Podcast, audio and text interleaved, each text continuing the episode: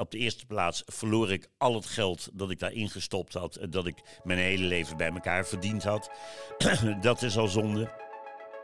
Maar ook dat je droom aan diggelen wordt gegooid en er niks van overblijft, dat maakt dat ik eh, ja, toch wel in een zwart gat viel, om het maar zo te zeggen.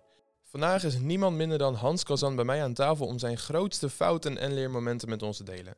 Hans, je hoeft je bijna niet meer voor te stellen, maar wil je dat toch nog eventjes doen? Ja hoor, dat wil ik met plezier doen. Eh, mijn naam is dus eh, Hans Kazan. Eh, dat ik goochelaar ben, zullen de meeste mensen inmiddels wel weten. Maar de komende tien jaar wil ik daar nog iets aan toevoegen. Ik wil namelijk heel graag als spreker verder gaan. Oké, dat is heel tof. En wat zijn de zaken waar je zoal over spreekt?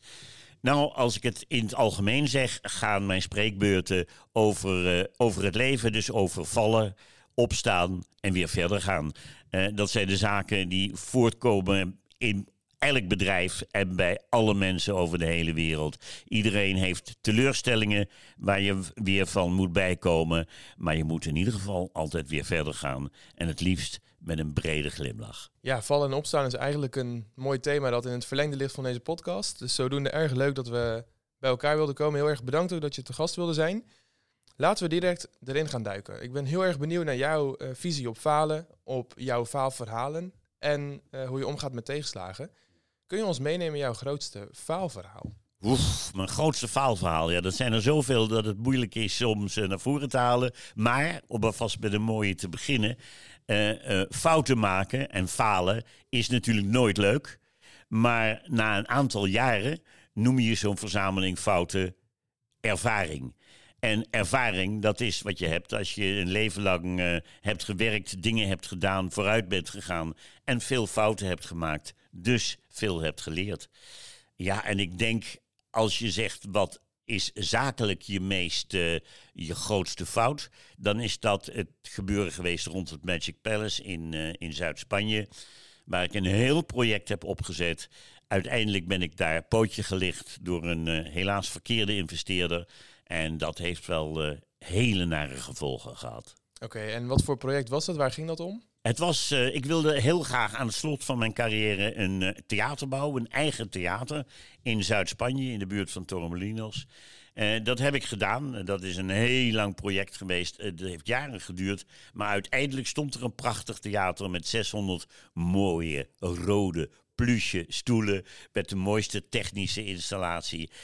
Mijn kinderen, die toen nog de groep Magic Unlimited vormden, zouden daar optreden. En wij dachten, shows aan de Costa del Sol, waar jaarlijks miljoenen toeristen komen.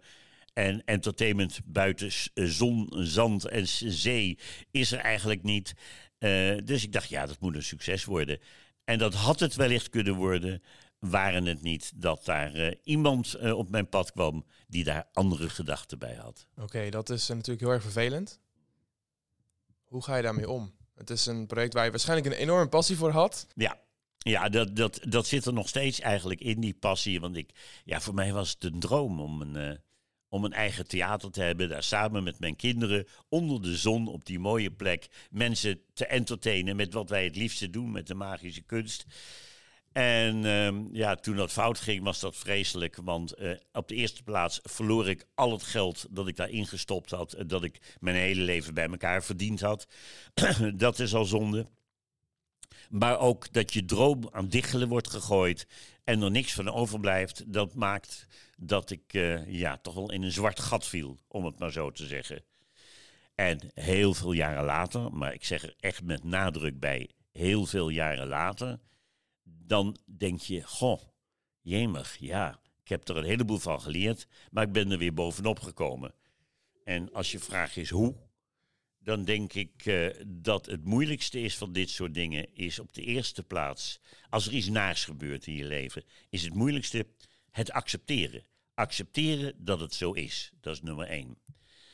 En eh, stap twee is, kijk nooit om. Kijk niet achter over je schouder en, en dan kijk je terug van dat komt door die man, dat komt door die vrouw, dat komt door de corona, dat komt door weet ik veel. Je gaat van alles de schuld geven.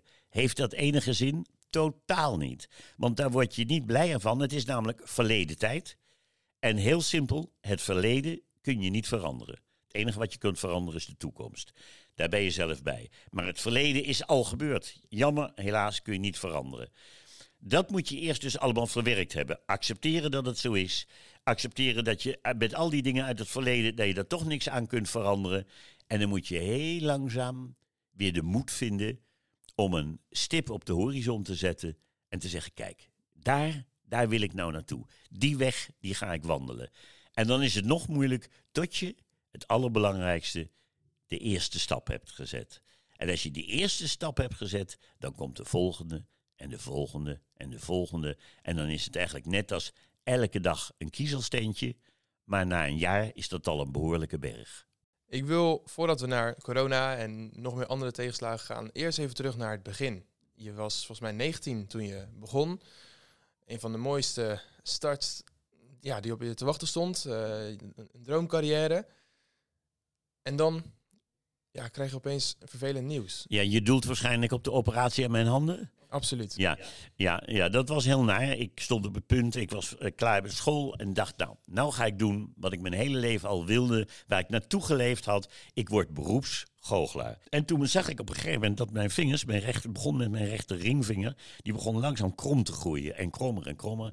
En ik dacht, is dit dan toch? Uiteindelijk bleek ik een bepaalde ziekte te hebben, die heet de ziekte van Dupuytren. Dat betekent dat je vingers allemaal langzaam krom gaan groeien. Echt als een soort klauw. Ehm, normaal gesproken krijgen alleen, bijna alleen mannen dat. Soms vrouwen, maar bijna alleen mannen. En dan pas vanaf hun vijftigste levensjaar. Ik had het al op mijn twintigste en dat kwam omdat ik op school tijdens een partijtje voetbal op die hand getrapt was. En dat heeft het proces blijkbaar vervroegd in werking gezet. Ja, en als je dan je handen, je vingers krom groeien. Nou, je zult begrijpen als je goochelaar bent met kromme vingers, dat wordt behoorlijk moeilijk. Ja, dan denk je, jee, maar wat ga ik doen? En vooral, wat me toen opviel, mensen om mij heen die riepen... Nou Hans, uh, dan kun je mooi vergeten die carrière als goochelaar, want dat gaat niet gebeuren. Ja, dat was precies wat ik nodig had, dat ze dat uh, vertelden. Want daardoor werd ik nog meer geprikkeld van, ik zal je eens laten zien dat ik nog steeds goochelaar kan worden. Wat is dat nou? Ik heb die hand laten opereren, die vinger is weer recht gezet. En later in mijn leven moest ik dat elke vijf, zes jaar opnieuw doen. Dat ik een van mijn vingers moest opereren en weer recht laten zetten. Ik heb daar in die tijd nooit over gesproken. En ik ben gewoon geworden wat ik wilde worden goochelaar. Even een korte onderbreking voor iets speciaals. Startdoc is nu vriend geworden van deze podcast. En hierdoor hebben we de unieke kans gekregen om afleveringen op te nemen op hun locaties. Maar krijgen we ook nog eens toegang tot hun eventzalen. Hierdoor kunnen we fysieke evenementen organiseren voor jullie. Denk bijvoorbeeld aan live podcasts, interessante Q&A-sessies en netwerkmogelijkheden. Deze geweldige samenwerking stelt ons in staat om samen met jullie een mooie community op te bouwen. Blijf op de hoogte via onze social media om geen enkel event te missen. En nu weer snel terug naar de aflevering. Ja, ja, ja dat zit in mij. Dat, dat kan ik niet anders zeggen. Ik heb het altijd wel een beetje gehad. Je kan het ook zien als eigen wijsheid. En dan is het, lijkt het een minder uh, aantrekkelijke eigenschap. Maar ik ben inderdaad A, stront eigenwijs. Dat is het nummer één. En B, uh, trek ik me heel weinig aan inderdaad van wat andere mensen zeggen.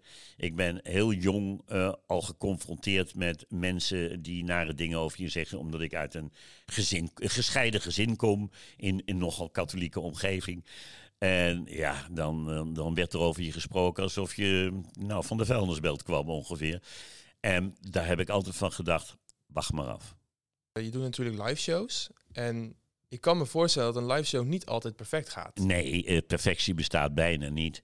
Uh, soms uh, dezelfde show een jaar lang draaien in het theater, dan zeggen mensen: is dat niet saai? Nee, het is nooit saai.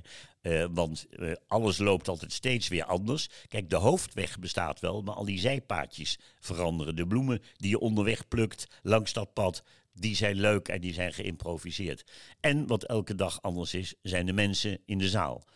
Ja, en soms gaat er wel eens wat fout. Maar ik zal je heel eerlijk zeggen, ik heb altijd geleerd fouten ogenblikkelijk op te lossen.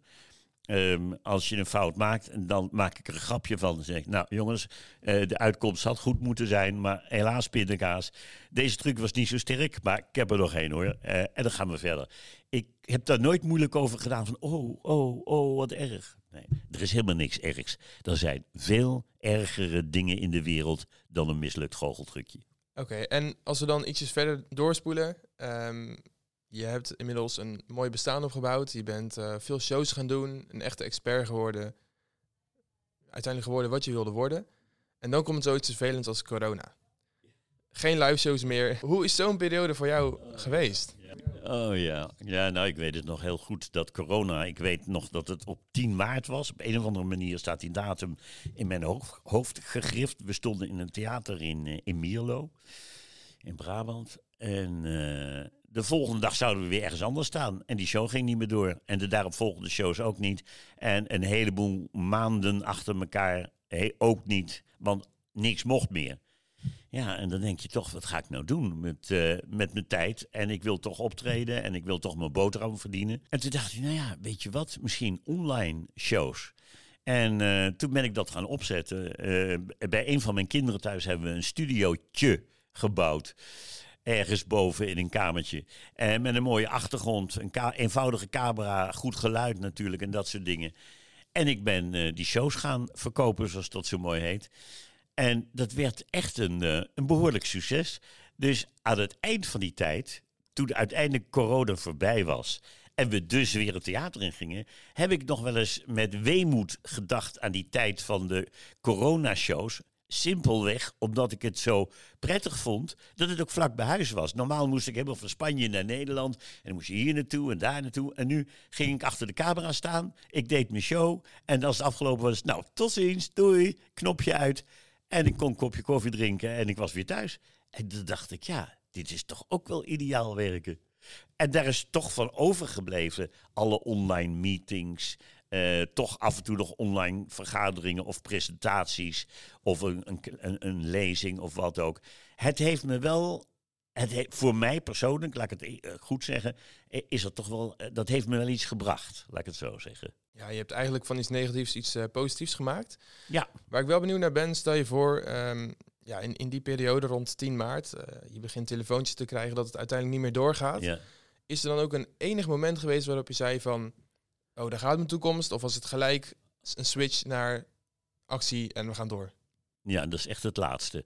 Dat kan ik niet anders zeggen. Ik, eh, in het begin denk je, ja, in het begin denk je, wat is dat dan weer? Wie heeft dit in vredesnaam bedacht? Wat een ge- gekleuter en ge- gedoe allemaal.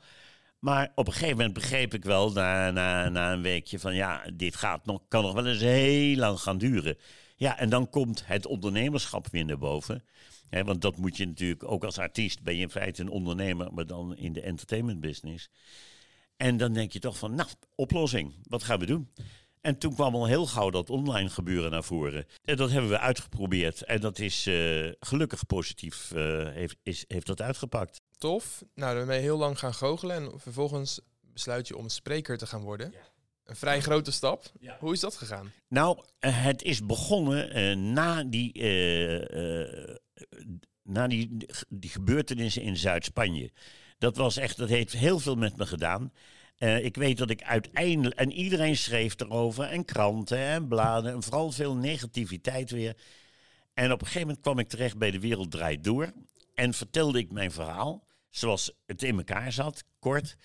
En toen belde er een businessclub uit Maastricht. En die mensen die zeiden van... Goh, meneer Kazan, zou u dat verhaal bij onze businessclub willen vertellen? Want daar kunnen we misschien wat van leren. Nou, dat had ik nog nooit gedaan. Want ik was geen spreker, ik was een goochelaar.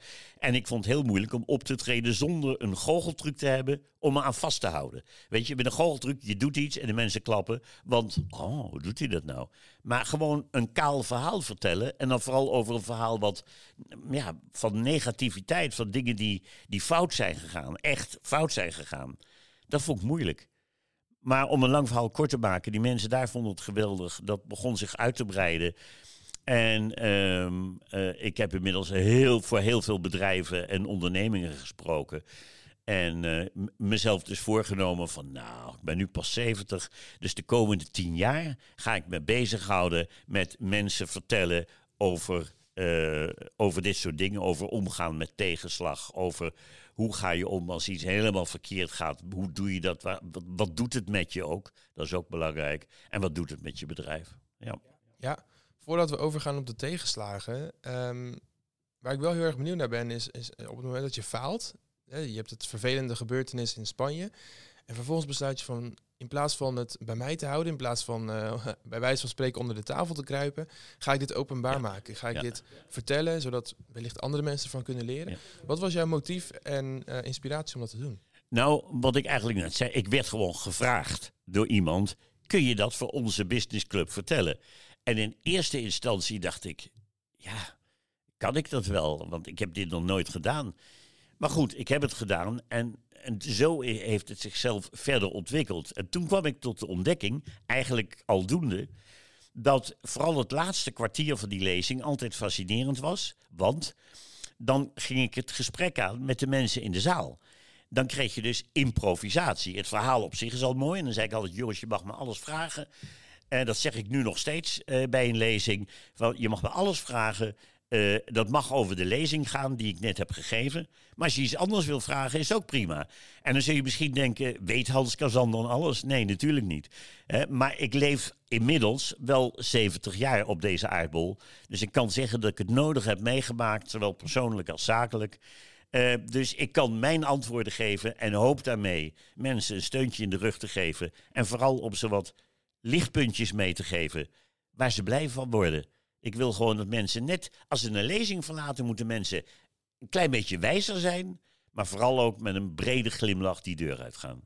En dan de tegenslagen. Je bent inmiddels expert geworden als het gaat om tegenslagen. Dus ja, het is meer dan toepasselijk om dan deze vraag te gaan stellen. Stel je voor dat de luisteraar, een ondernemer of professional te maken krijgt met tegenslagen in het leven.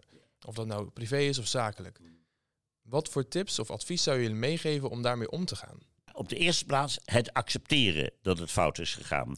Het allermoeilijkste dat er is. Uh, en het lijkt onmogelijk op het moment zelf. He, dan roepen mensen, ah joh, dat valt wel mee. En als er ergens in je leven een deur wordt dichtgegooid, gaat er op een andere plek wel weer een raampje open. Ja, dat is wel zo. Maar op dat moment wil dat niet tot je doordringen en ben je te gekwetst en te verdrietig om dat aan te nemen. En dan lig je op de grond, half in het donker en denk je, hoe in vredesnaam moet ik verder? Nee, je moet met jezelf verder. Als je mazzel hebt, heb je wat mensen om je heen die uh, je positief beïnvloeden. Maar het allerbelangrijkste nogmaals, eerst accepteren. Dan begrijpen dat je niet meer achterom moet kijken naar het verleden. Want het verleden is gebeurd. Daar kun je niets meer aan veranderen. Hoe kwaad je ook wordt, hoe hard je gaat schreeuwen, hoe hard je een proces aangaat met die mensen. En hou op, denk ik dan. Dat hebben mensen mij ook gezegd toen, toen ik echt opgelicht ben bij dat uh, theater. Uh, van, nou, maar die man moeten we achtervolgen. We gaan met advocaten erachteraan. En dan, uh, je hoeft ons niks te betalen. Alleen als we het geld terugkrijgen, en dat gaan we krijgen, dan, uh, dan delen we het of zo. En toen heb ik gezegd, hoe lang gaat dat dan duren? Nou ja, ja, vijf, zes. Ik zeg, jongens, hou op. ik, wil, ik wil vrolijk en, en vrij door het leven gaan. Maar dat gezeur met processen en dingen. Ik zeg, dat is echt niks voor mij. Daar word ik heel ongelukkig van. Echt heel ongelukkig van. En ik ga toch niet de laatste jaren van mijn leven, en dat denk je altijd als je wat ouder wordt, ja, kom je steeds dichter bij die eindstreep. En denk ik, ik wil, ik wil gewoon een leuke tijd hebben. Ik wil genieten van mooie dingen, maar niet processen voeren. Hou op zeg. Dus ik ben, uh, heb gezegd, zet weer een stip op de horizon. Dat is eigenlijk het allerbelangrijkste. En denk van, goh, dat zou leuk zijn. Weet je wat? Ik ga gewoon opnieuw beginnen. Ik zal iedereen laten zien hoe sterk ik ben. En ik ga die kant op. En dan zet je de eerste stap, de tweede, de derde. En dan ga je vanzelf weer de goede kant op. En dan ga je weer genieten van het ondernemen. En als af en toe, want dat gaat gebeuren, de nare gedachten, de zwarte gedachten zeg ik altijd, weer terugkomen, probeer ze zo gauw mogelijk die wolken weg te blazen. Denk aan iets leuks en ga vooruit. Want het heeft geen zin. Denk niet na over die nare dingen. Kijk, en dat is de allerbelangrijkste. Kijk naar wat je hebt. En kijk niet te veel naar wat je mist. Want daar word je meestal verdrietig van. Ja, absoluut. Hey, en als we kijken naar jouw visie omtrent falen, Denk je dat sommige dingen, uh, als het gaat om falen, wel moesten plaatsvinden om te zijn waar je vandaag de dag staat? Hè? Hoe, hoe, kijk je daarnaar? Ja, nou, ik zal zeggen, ik had heel graag al die fouten niet gemaakt. uh, en ik had heel graag niet willen falen. Uh, maar achteraf zijn dat soort zaken, de dingen waar je faalt of waar je niet voldoet of waar je het verkeerd gezien hebt. Je leert ervan. Het zijn leermomenten. Dat klinkt als een soort verkeerde pleister op de wonden. Eh, maar dat is het niet, want je leert er inderdaad van. En daarmee kom je verder. Ik zei het in het begin van het programma al, er is een hele bekende uitspraak. Fouten maken, oftewel falen, is nooit leuk. Maar na een aantal jaren noem je zo'n verzameling van fouten ervaring. En dan roepen ze, kijk eens, die, die meneer, nou die heeft een boel ervaring. Ja, en maar ervaring is niet alleen maar leuke dingen doen. Hè? Eh, dat is niet ervaring. Ervaring is ook al die narigheid beleven, meemaken, oplossen, de gevoelens kennen die daarbij horen en die weer allemaal op de baan krijgen. Nou, daar heb je een heleboel werk aan, maar als het lukt, word je blij mens. Ja, ik denk dat zo onze cirkel heel mooi rond is van het programma. Is er nog iets waar ik naar moest vragen waarvan je denkt van hé, dat zou ik nog graag willen delen? Alles wat zomaar spontaan uit mijn uh, hart omhoog wilt, dat heb ik aan jullie verteld. Dus ik hoop dat je er veel mensen een, een plezier mee kunt doen. En dat ze er een klein lichtpuntje uithalen waarmee ze weer verder kunnen. Yes. Heel erg bedankt voor je deelname. Ja, dan gaan we deze podcast uh, afronden. Heb jij als luisteraar genoten van deze aflevering? Vergeet zeker niet om deze podcast te delen met je omgeving, ons te volgen op social media en je gratis te abonneren via jouw favoriete streamingdienst. Elke donderdag staat er weer een nieuwe aflevering online. Heel erg bedankt voor het luisteren en graag tot de volgende.